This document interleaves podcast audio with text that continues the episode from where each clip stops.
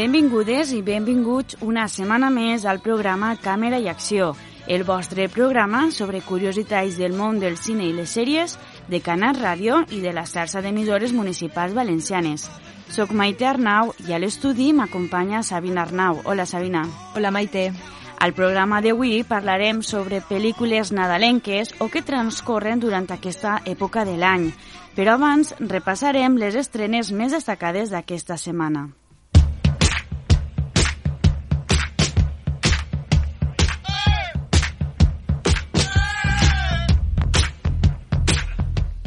Comencem amb les estrenes que ens oferís la cartelera cinematogràfica amb la cinta Wonder Woman 1984, on esta vegada Wonder Woman s'enfronta a l'empresari Maxwell Lord i a la seva amiga i villana Bàrbara. També trobem el thriller espanyol Hasta el cielo, protagonitzada per Miguel Herrán, on el dia que Àngel parla amb Estrella en una discoteca, la seva vida canviarà per a sempre i la cinta espanyola Baby. Una jove drogadicta embarassada dona llum en mitjà d'una crisi. Com no pot fer-se càrrec, li ven el fill a una matrona dedicada al tràfic de xiquets.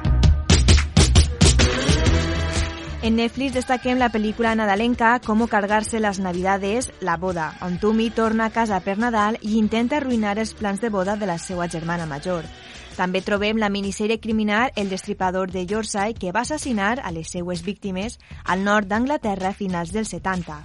I acabem amb la cinta americana La madre del blues, on Mai Rainey, considerada la reina del blues, grava el seu nou disc en un estudi de Chicago en 1927. La pel·lícula està protagonitzada per Viola Davis.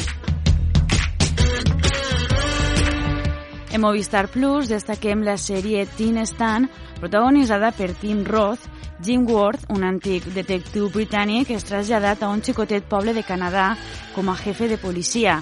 També trobem la cinta d'animació La família Bigfoot. El pare d'Adam vol utilitzar la seva fama per a protegir la reserva natural d'Alaska, però tot es complica quan Bigfoot desapareix. També s'estrena la pel·lícula espanyola La ofrenda, protagonitzada per Verónica Echegui, on Violeta rep la visita de Rita, la dona de Jan, un amor d'adolescència que va marcar la seva vida després d'abandonar-la. I per últim, en Amazon Prime trobem la sèrie espanyola El Cid, protagonitzada per Jaime Lorente i Carlos Bardem. Conta la història de l'home darrere de la llegenda conegut com Rull des de que era xiquet fins que es va convertir en un heroi de guerra. I ara sí, anem a parlar sobre pel·lícules nadalenques. Vinga, comencem.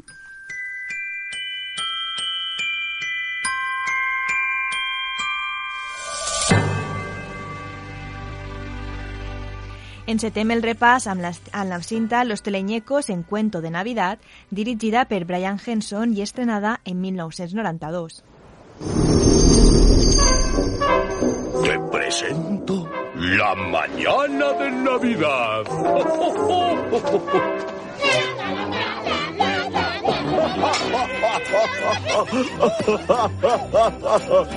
Está en el coro de la calle cantando, está en el fuego del hogar calentando, en encontrar la paz y amor se siente la Navidad.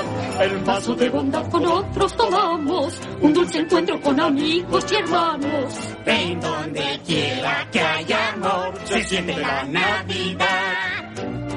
Ya es el tiempo de hermandad, la hora de creernos, de ir tras el amor. Y es el tiempo para el alma, vivámosla con calma, que dure su valor.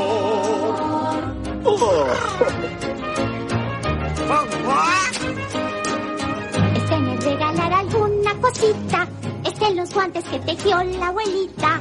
En demostrar que hay amor. Michael Caine dona vida al tacany Mr. Scrooge, qui rep la visita d'uns fantasmes la nit de Nadal i és transportat al seu passat, present i futur, veient que el panorama és molt poc alentador. Els telenyecos o Muppets van omplir el Nadal aquell 1992 amb una reinterpretació única de la novel·la Cuento de Navidad de Dickens. En 1843, l'escriptor anglès va publicar una de les seues obres més conegudes basada en la història d'aquest home vell agarrat amb poc esperit nadalenc. a qui li visitaren els fantasmes per a intentar transform transformar-lo en un home generós i bo. En aquesta adaptació, l'ancià és un prestamista que viu a l'Anglaterra del segle XIX i al qui no li agrada gens el Nadal. Mentre ell es queda en casa el dia de Nadal, rep la visita d'alguns fantasmes que van acompanyats per la rana Gustavo, Peggy i altres telenyecos. El musical va rebre molt bones crítiques, encara que molts van opinar que la trama no era del tot accessible per al públic infantil. Se siente la Navidad. Se siente la Navidad. En l'any 2000 es va estrenar Hombre de Família, protagonitzada per Nicolas Cage.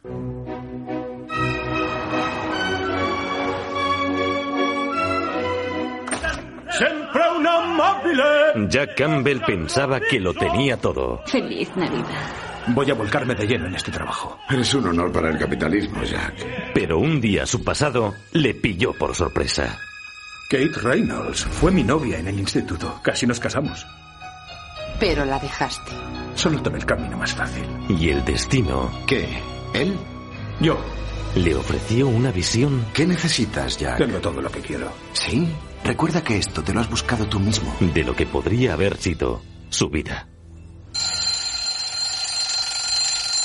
Kate, Venga, papá, levántate. Es Navidad, es Navidad. Jack, bien cargado. ¿dónde está mi Ferrari? ¿Tienes un Ferrari? Dime qué me está pasando. Esto es una visión. ¿Una visión de qué? Es muy raro porque esta no es mi casa. Oh, estos no son mis hijos. Oh, Tú no eres mi papá, ¿verdad? no hay tiempo para eso. Acabo de firmar un contrato. Bueno, pues me temo que ahora tienes otro oficio. Dios mío. ¿Por qué trabajo aquí?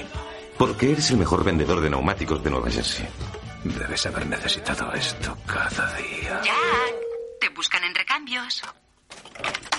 ¿Tú me quieres? Esa es la idea. Dios mío, qué guapa eres. ¿Cómo puedes mirarme como si no me hubieras visto todos los días desde hace 13 años?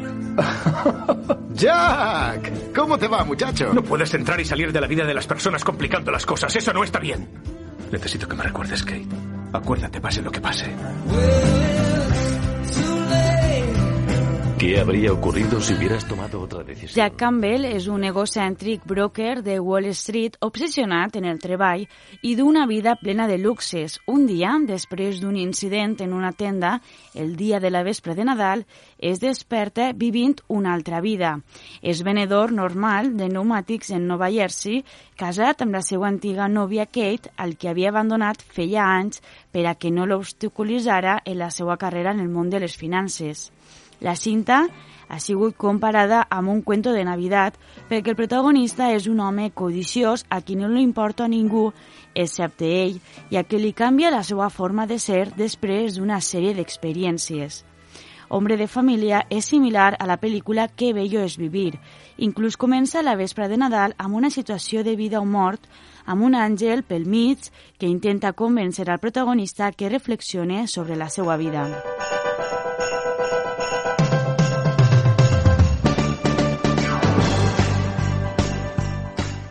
Continuem el repàs amb la cinta Gremlins, estrenada en 1984 i dirigida per Joe Dante i escrita per Chris Columbus, creador de la saga Solo en casa y Harry Potter y la piedra filosofal. Mira, Pete, a lo mejor canta. Ven, Liz, ahora vamos a la mesa. Ya tengo cuidado. Ya está. Oye, Billy, ¿dónde puedo conseguir uno? No lo sé, es el único que he visto. ¿Puedo cogerlo? Claro, ¿por qué no? ¿Le has gustado? Muy bien. Lo siento. ¿Qué había en el frasco? Nada, solo agua. ¿Por qué grita tanto?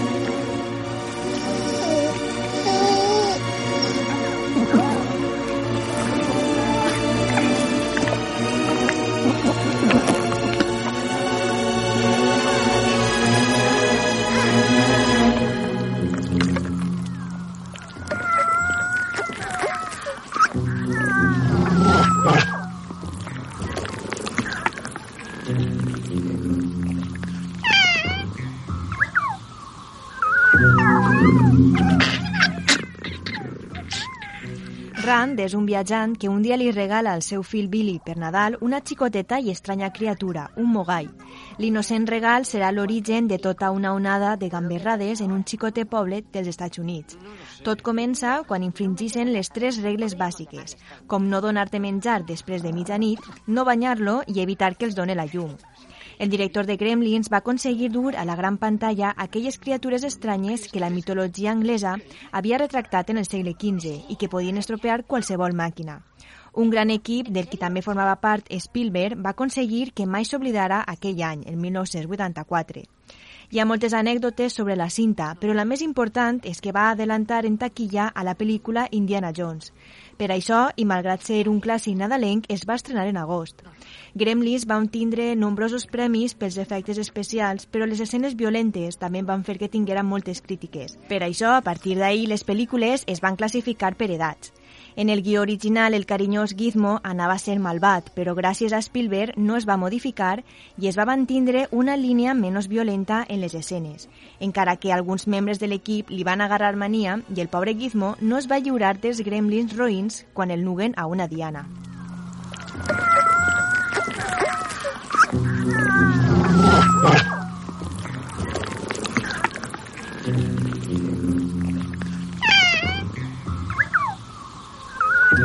Continuem amb la pel·lícula d'animació Pesadilla antes de Navidad del director Tim Burton estrenada en 1993. Érase una vez, hace mucho tiempo. Es posible que en sueños hayáis visto el lugar, pues la historia tremenda que os voy a contar ocurrió cuando el mundo era antiguo. Seguro que os habéis preguntado, ¿las fiestas de dónde salieron? Si no, ahora vais a saber lo que fueron.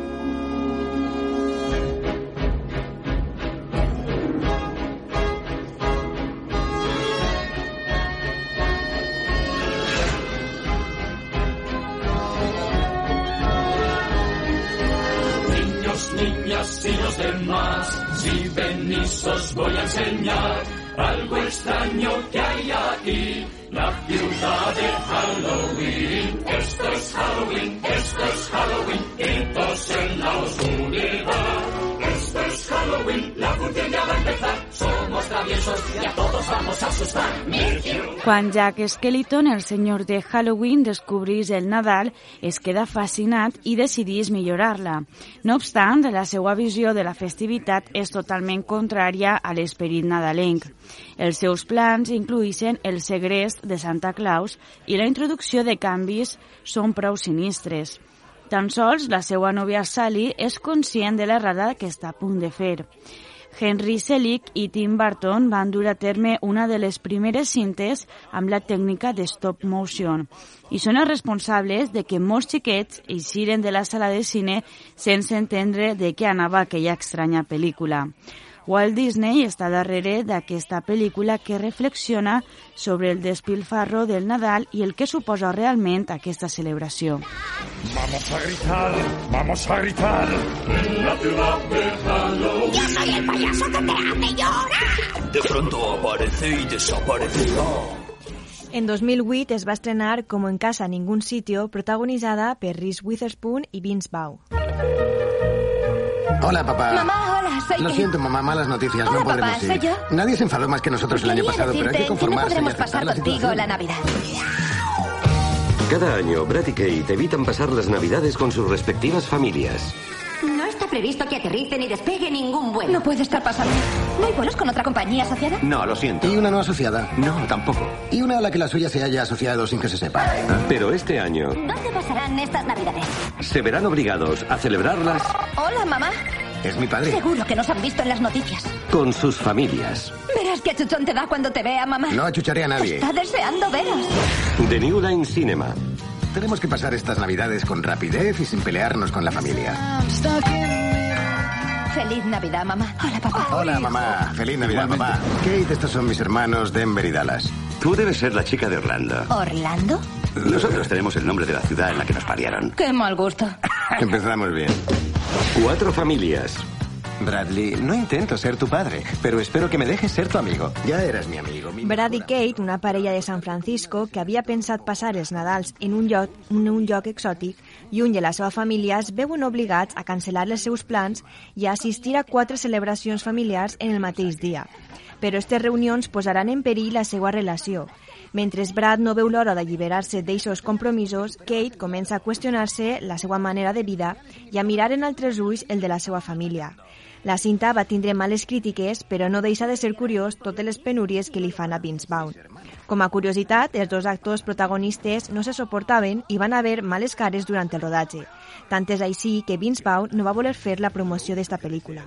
Navidades. Solo tengo que ajustarlo. Tira de él, hombre. Continuem el repàs amb una altra pel·lícula del director i guionista Tim Burton, com és Eduardo Manos Tijeras, estrenada l'any 1990.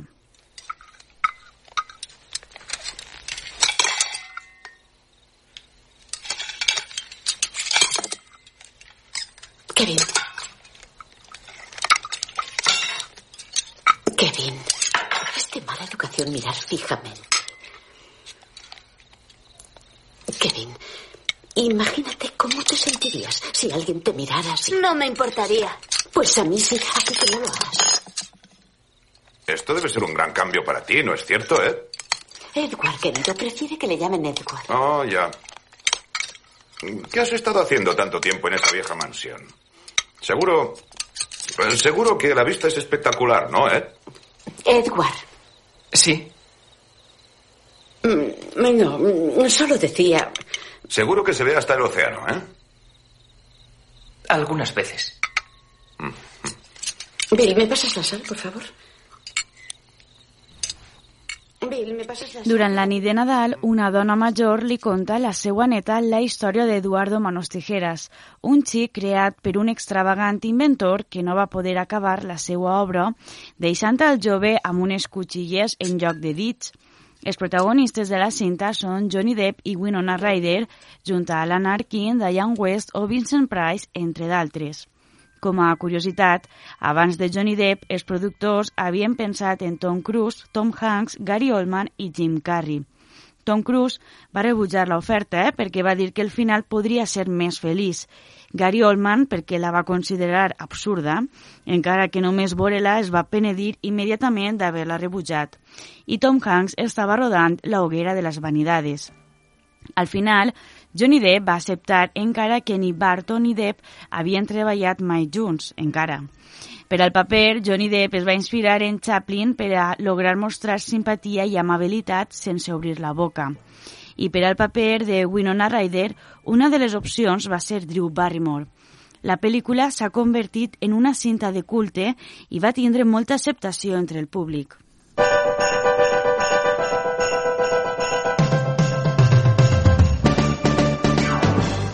Seguim amb la trilogia de pel·lícules nadalenques de Netflix, Un príncipe de Navidad, estrenada en 2017. Desde la familia real de Aldovia. Que el rey murió el año pasado y el príncipe es una buena pieza. Y un generador de escándalos. Porque yo tienes talento, ambición, inteligencia. Y ninguno de mis redactores iría en Navidad. Este encargo podría lanzar tu carrera. Vaya. Estoy dentro del palacio. Eso es mejor que una exclusiva. Hay muchos vídeos, audios, lo que puedas conseguir.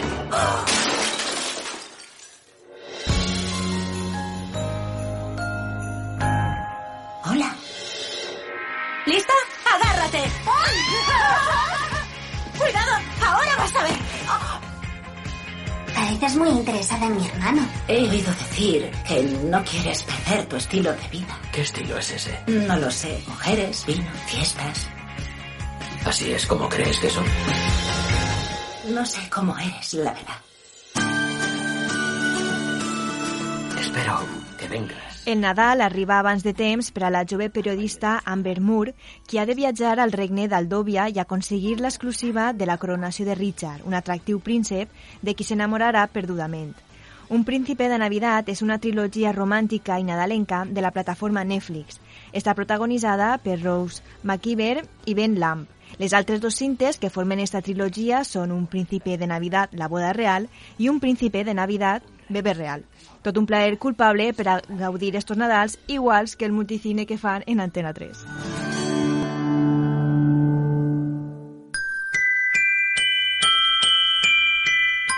Seguim amb Netflix, aquesta vegada amb Cambio de Princesa, estrenada en 2018, i la seqüela Recambio de Princesa, estrenada en 2020, les dos protagonitzades per Vanessa Hudgens. Feliz Navidad y vuelva pronto. Jefa, ¿sabes ese concurso de repostería del que habla siempre? Ajá. ¡Tachan! Por petición de la familia real de Belgravia le invitamos a competir en el concurso de repostería navideña. ¿No es una pasada?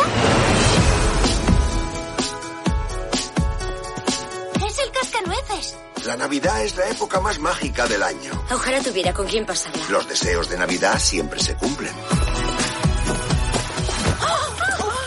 Lo siento mucho. No pasa nada.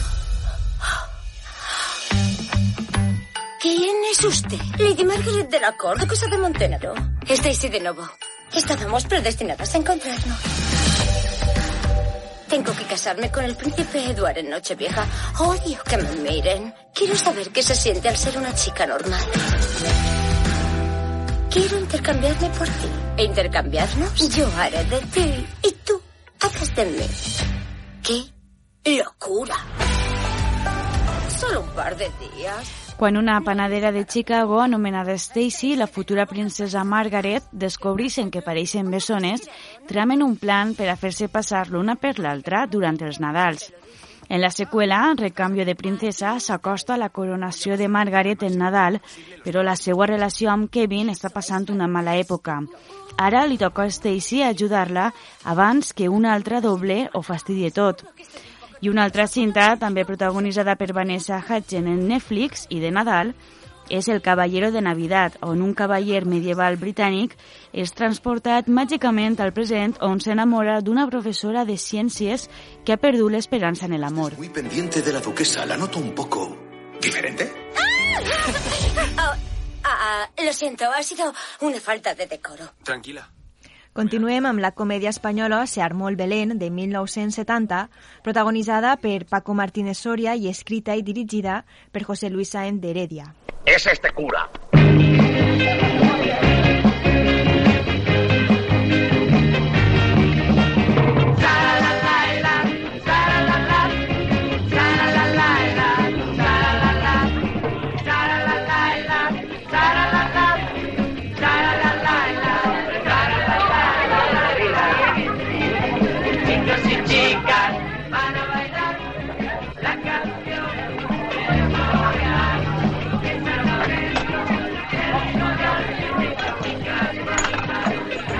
Al infierno, al infierno todos de cabeza, usted primero. ¿Y tú qué es que tienes bula? Yo no bailo, Yo tampoco. pero lo consiente. Hace usted 40 años predicando contra los bailes para esto. Es que el que predicaba era yo. ¡Mírenlos! ¡Mírenlos!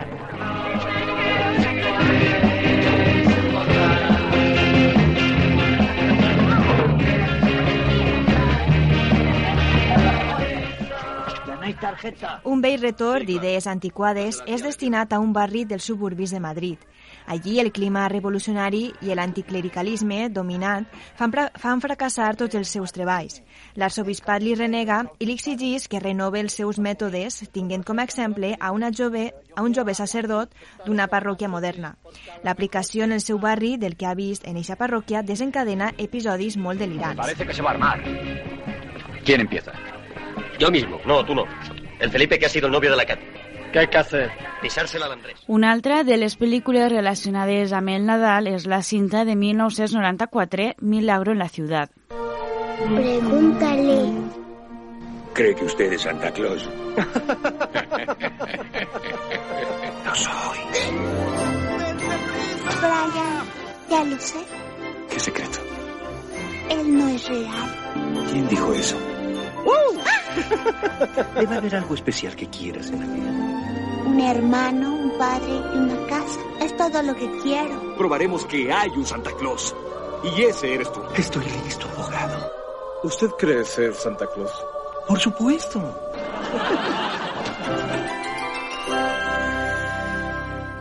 Durant una desfilada nadalenca organitzada pels grans magatzems Macy's, l'home que encarna Santa Claus és substituït per indos- indisposició. Un ancià anomenat Chris s'oferís a la senyora Walker, responsable de la desfilada, per encarnar a Santa Claus. Després de la desfilada és contractat per donar a la perfecció el tipus de personatge, però tot es complica quan ella assegura que és l'autèntic Santa Claus. És un remake del film de la Fox de Ilusión también se vive de 1947.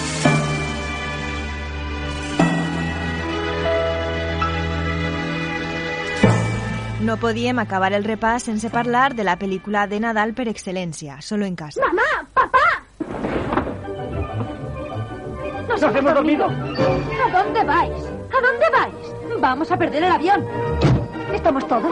Once incluyéndome. Cinco chicos, seis chicas, cuatro padres y el señor Don Gato. ¿Llegamos tarde? No, llegan a tiempo. Bienvenidos al vuelo 1275 a París, Francia. Terrible presentimiento. ¿Qué casa atacamos primero? ¿Qué? Que se nos ha olvidado algo. ¡Arriba las palancas! Dices eso porque nos fuimos a toda prisa. ¿Dejamos las luces en automático? Ujú. ¿Cerraste bien? Sí, ¿Cerraste el garaje? eso es. Se me olvidó cerrar el garaje, eso es. No, no es eso. ¿Qué más se nos ha podido olvidar? ¡Kevin! Solo en casa. Es mi casa. Y tengo que defenderla.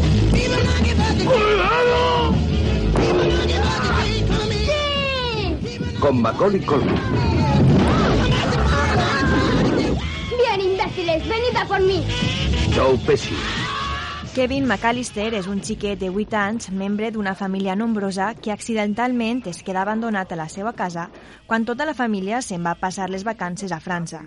Kevin aprèn a valdre's per si mateix i fins i tot a protegir-se de Harry i Mark, dos lladres que es proposen assaltar totes les cases tancades del seu veïnat. Solo en casa. Una película de John. Solo en casa va estar durant 21 anys la pel·lícula més rentable de tots els temps per a la productora 20th Century Fox, fins l'arribada de la segona part de Resacón en Las Vegas. El guionista John Hughes li va suggerir al director Chris Columbus el nom de Macaulay Culkin per al paper de Kevin McAllister, després de la seva gran experiència amb la futura estrella infantil en el rodatge de la comèdia familiar Solos con nuestro tío, estrenada en 1989. Columbus va continuar provant amb més actors per al paper fins a superar els 200 càstings, però cap el va convèncer tant com Culkin. Com l'actor tenia 10 anys, únicament podia treballar fins a les 10 de la nit, dificultant les labors de producció d'una pel·lícula plena d'escenes nocturnes. Macaulay Culkin va rebre 100.000 dòlars pel, ro pel rodatge de Solo en casa. El seu sou per la seqüela es va multiplicar per 45, sent així el major sou mai pagat a un actor infantil. La seva fama immediata li va convertir en un dels actors més buscats de Hollywood, rebent sou superior al milió de dòlars en diversos projectes. L'enorme èxit de la pel·lícula original va provocar una inevitable seqüela estrenada en 1992, ambientada a Nova York, i amb un cameo del president Donald Trump. Va tornar a ser una bomba amb 360 milions de dòlars a tot el món. Macaulay Culkin va decidir desvincular-se de la tercera part perquè ja era massa major per a tornar a ser Kevin McAllister.